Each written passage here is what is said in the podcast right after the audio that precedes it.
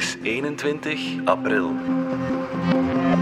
Ik ben Marian Justaert en dit is vandaag de dagelijkse podcast van de Standaard. Will you still need me? Will you still feed me when I'm 64? zongen de Beatles. Wel, Barbie is 64 en nog niets veranderd. Ze is nog altijd die blonde bimbo met haar wespentaille en stiletto's. Niet meer van deze tijd, zou je zeggen. En toch. Barbie heeft in haar roze huis alle stormen doorstaan en is populairder dan ooit. 2023 belooft haar jaar te worden.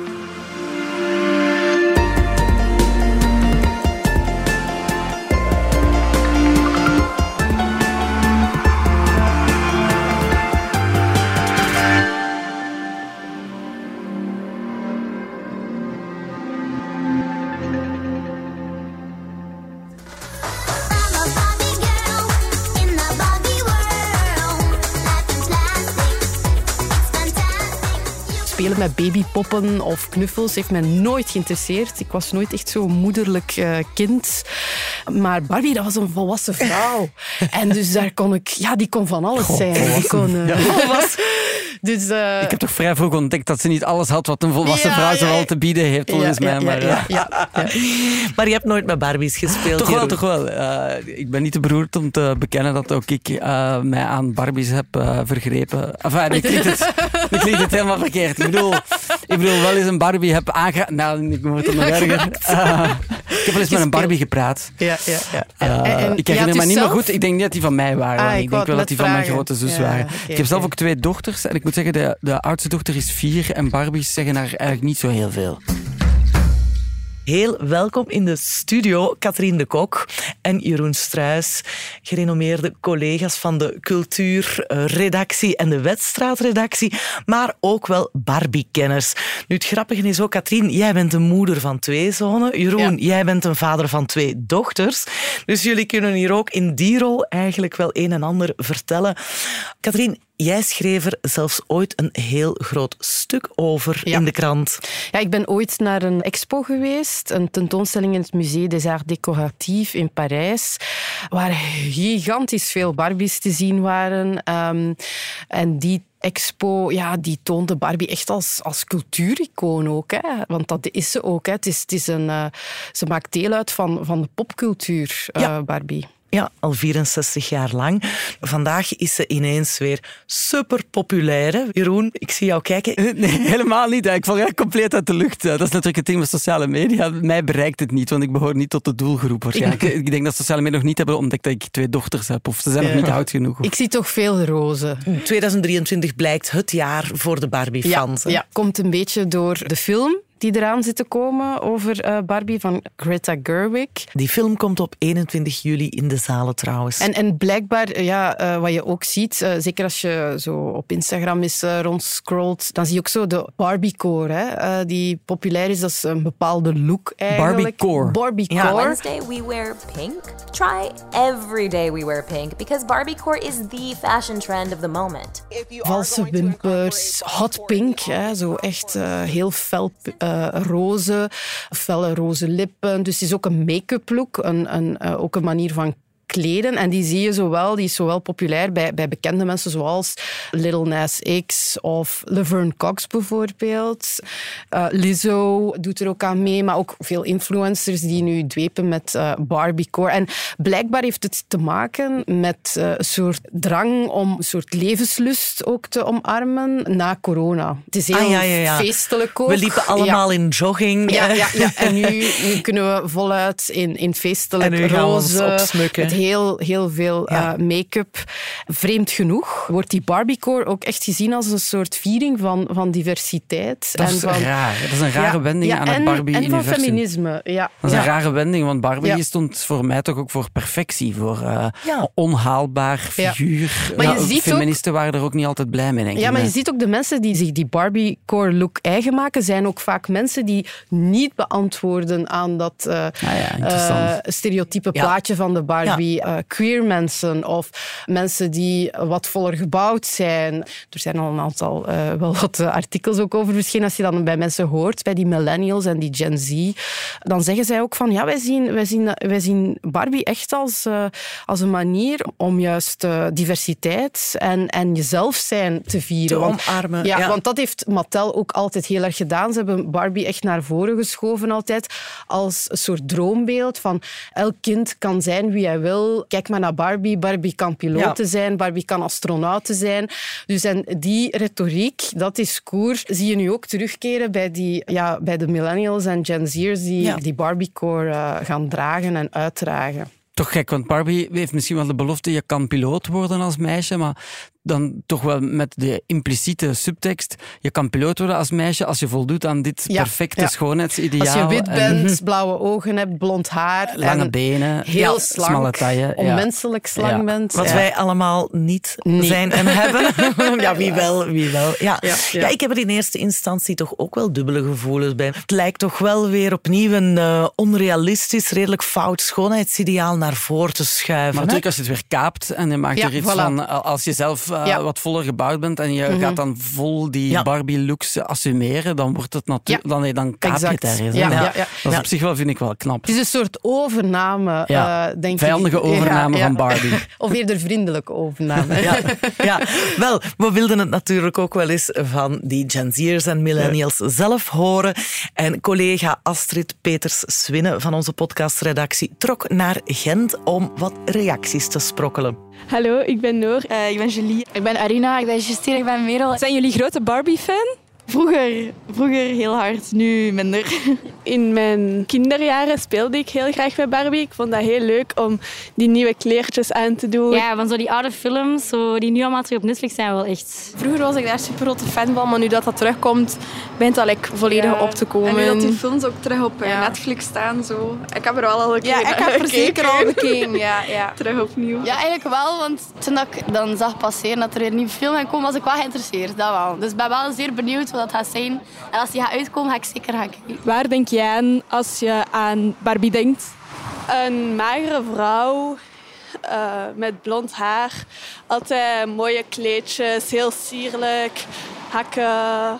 Het is wel de perfectie weer. Zo typisch Ja, blond, typisch. lang haar, waarschijnlijk blauwe ogen. Weet. Allee, snap je? Ja, en ook zo de lichaamsvormen zijn zo. Voilà, perfect slank Ja, en zo. dus- Onrealistisch Ja, lang. En dan zo alles in er- verhouding, zo, dat je zelf niet echt... Allee, het is echt niet haalbaar. Zo. Ik vind het zo wat dubbel, omdat ja, dat is niet representatief voor hoe dat wij, ja, nu de samenleving is. Maar langs de andere kant, inderdaad, het is wel super nostalgisch. En als ik zo naar die films kijk en zo, is dat wel zo van... Wow, idealistisch beeld, hoe dat je wilt zijn. Ik vind het onrealistisch. Om, ja, Barbie is zo heel mooi. En dan kleine meisjes denken dan dat ze ook zo mooi moeten zijn. Maar persoonlijk heb ik mij wel nooit vergeleken met Barbie of dacht ik nooit van ik moet zoals Barbie worden. Ik vind denk ik vooral dat dat wel zo'n beetje weer een opgave is ook zo van het ideaalbeeld en zo. Dus of dat, dat dan per se goed is dat dat terugkomt, weet ik niet echt. Maar het is wel nog een keer tof om een beetje terug te keren in de tijd. Ook voor ons van Barbie van vroeger dat wel terugkomt. Maar ik weet niet of die echt gaan terugkomen. Ik denk dat we ondertussen al genoeg evolutie hebben meegemaakt. Dat we ons daar tegen kunnen verzetten en dat iedereen beautiful is. Blijkbaar is Barbie dus eh, ook hot bij, bij jonge mensen dan. En eh, wat bij mij natuurlijk speelt, eh, en wat ongetwijfeld bij hen ook speelt, als je daar zelf als kind mee gespeeld, dat is die nostalgie natuurlijk. Hè. Ehm, zoals ook jonge mensen bijvoorbeeld naar de shows van Samson en Gert gaan kijken. Ehm, Ja. Dat begrijp ik dan weer helemaal niet, maar zwart. Of Spring. Ehm, Laten we hopen dat die looks toch nooit de volwassene mode bereiken. Inderdaad. En nogthans, dat uiterlijk, dat werd vanaf het begin bekritiseerd. Hè? Dat is al 64 jaar lang Ja. dat men over Barbie zegt van dit kan echt niet gewoon. Je had dan aan de ene kant in, in conservatieve, soms ook religieuze hoek eh, heel veel misbaar over Barbie's vormen. Je had ook de feministen die heel boos waren omwille van die ultraslanke vorm, want ze zou een BMI hebben van ja, nog geen 16 of zoiets. Hè? Ja, klopt. Eh, eigenlijk, als, je Barbie, als, als Barbie een mens eh, zou zijn, een vrouw zou zijn, dan zal ze gewoon te mager zijn om te menstrueren. Dus haar BMI ligt zo laag dat, ze, dat het gewoon niet gezond is. Ehm, en Er is ja, ook wel nooit een menstruerende Barbie op de markt gebracht. Nee, waarschijnlijk. dat is waar. Dat is waar. Maar misschien komt het omdat ze geen vagina heeft. Zo, Dat is een zou belemmerende factor, denk ik. ja. Eh, maar ja, je ziet natuurlijk die pronte borsten, die eindeloze benen, ja, die hele sma- smalle taille, ook, ook die fijne, ze heeft he- een heel fijn neusje en volle lippen en grote blauwe ogen, lange blonde haar. Die e- allereerste Barbie, ja, dat was wel een blonde bimbo. Ja, ja, moeders vonden de Barbiepop soms wel eens te sexy. Maar Barbie is wel uitgevonden door een moeder. Hè? In 1959, jij kent dat verhaal, Ja, ja, ja, Katrien? ja. Ruth Handler, die dus samen met haar man Elliot aan het hoofd stond van Mattel, ja, die kreeg eigenlijk het idee voor Barbie toen ze haar dochter Barbara, vandaar dus de naam, eh, zag spelen met plaatjes van mannequins. Dus niet met eh, babypoppen, maar dus echt met volwassen vrouwen. En eh, zo is eigenlijk het idee geboren. Ze heeft goed gekeken naar een pin-up pop die toen al bestond, de Duitse Lily. En dus het echte idee, het idee achter Barbie is echt, dit is een pop, niet om te verzorgen, niet om eh, het moedertje mee uit te hangen, maar echt om aan te kleden, om allerlei avonturen mee te beleven. Life in the dream house. Life in the dream house.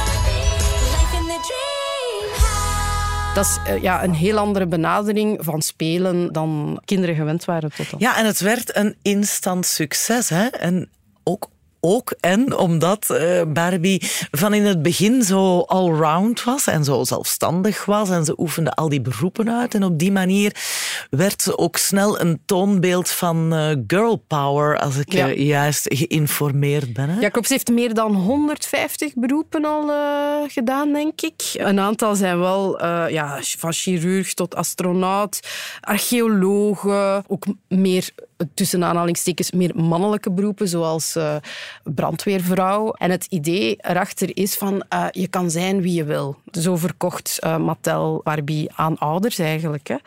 Die moeten het natuurlijk voor hun kinderen gaan, gaan aankopen.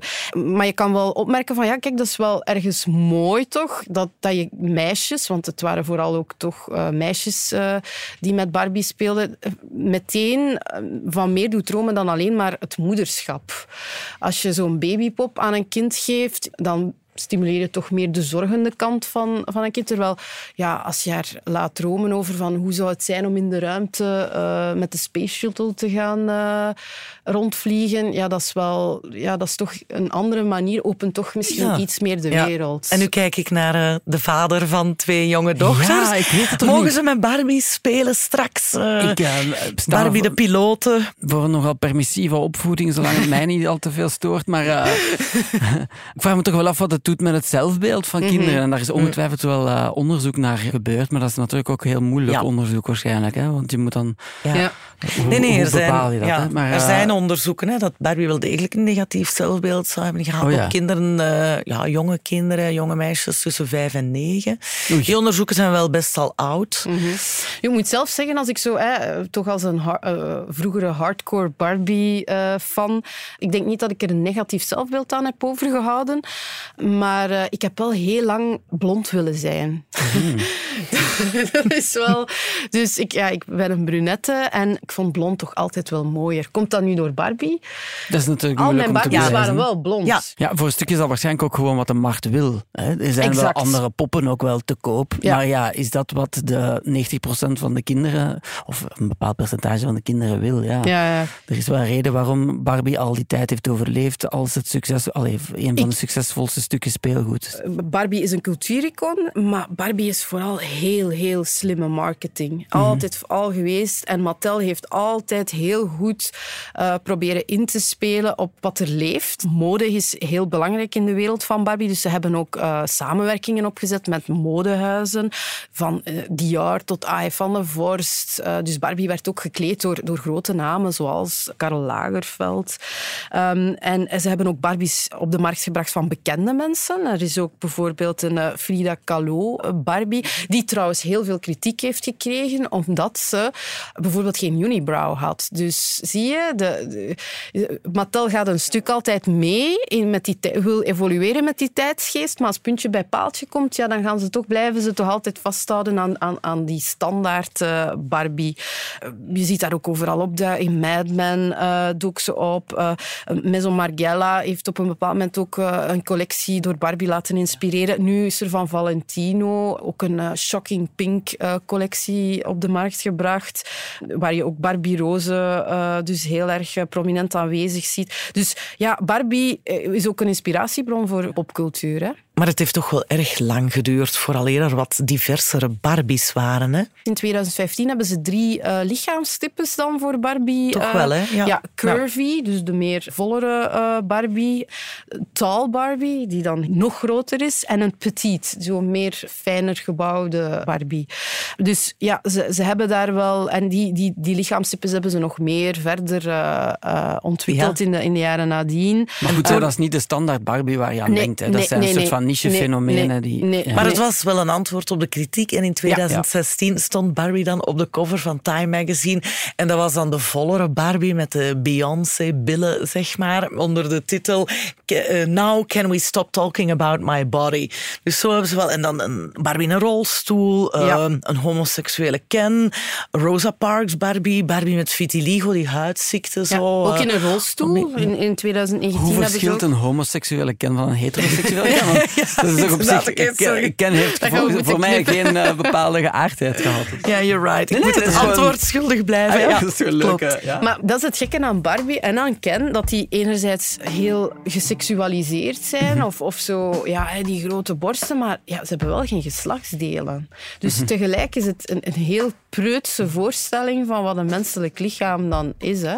En dat is exact de Amerikaanse popcultuur. hè? dat is ja, ook ja, de Amerikaanse muziek en dat is ook de Hollywoodfilms ook natuurlijk. Hè? Er is altijd een suggestie van seks, maar er is nooit de daad zelf en Mm. er komen geen geslachtsdelen in beeld.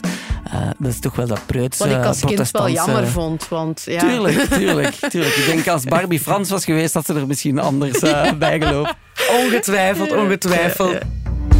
Straks hebben we het nog over die film waar Katrien en Jeroen het al heel even over hadden. Graag, graag. ja. Absoluut, maar nu gaan we er even uit voor reclame.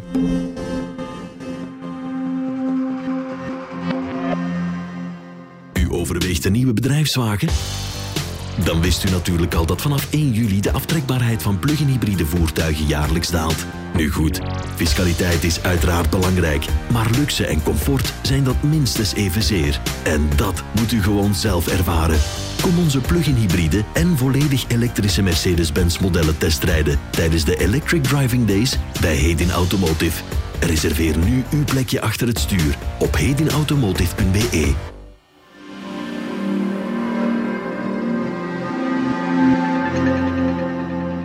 We zijn terug bij Barbie. Jaar na jaar daalde de verkoop, maar nu is het tij helemaal gekeerd en straks is er nog de film. Daar zijn al verschillende trailers van gelost.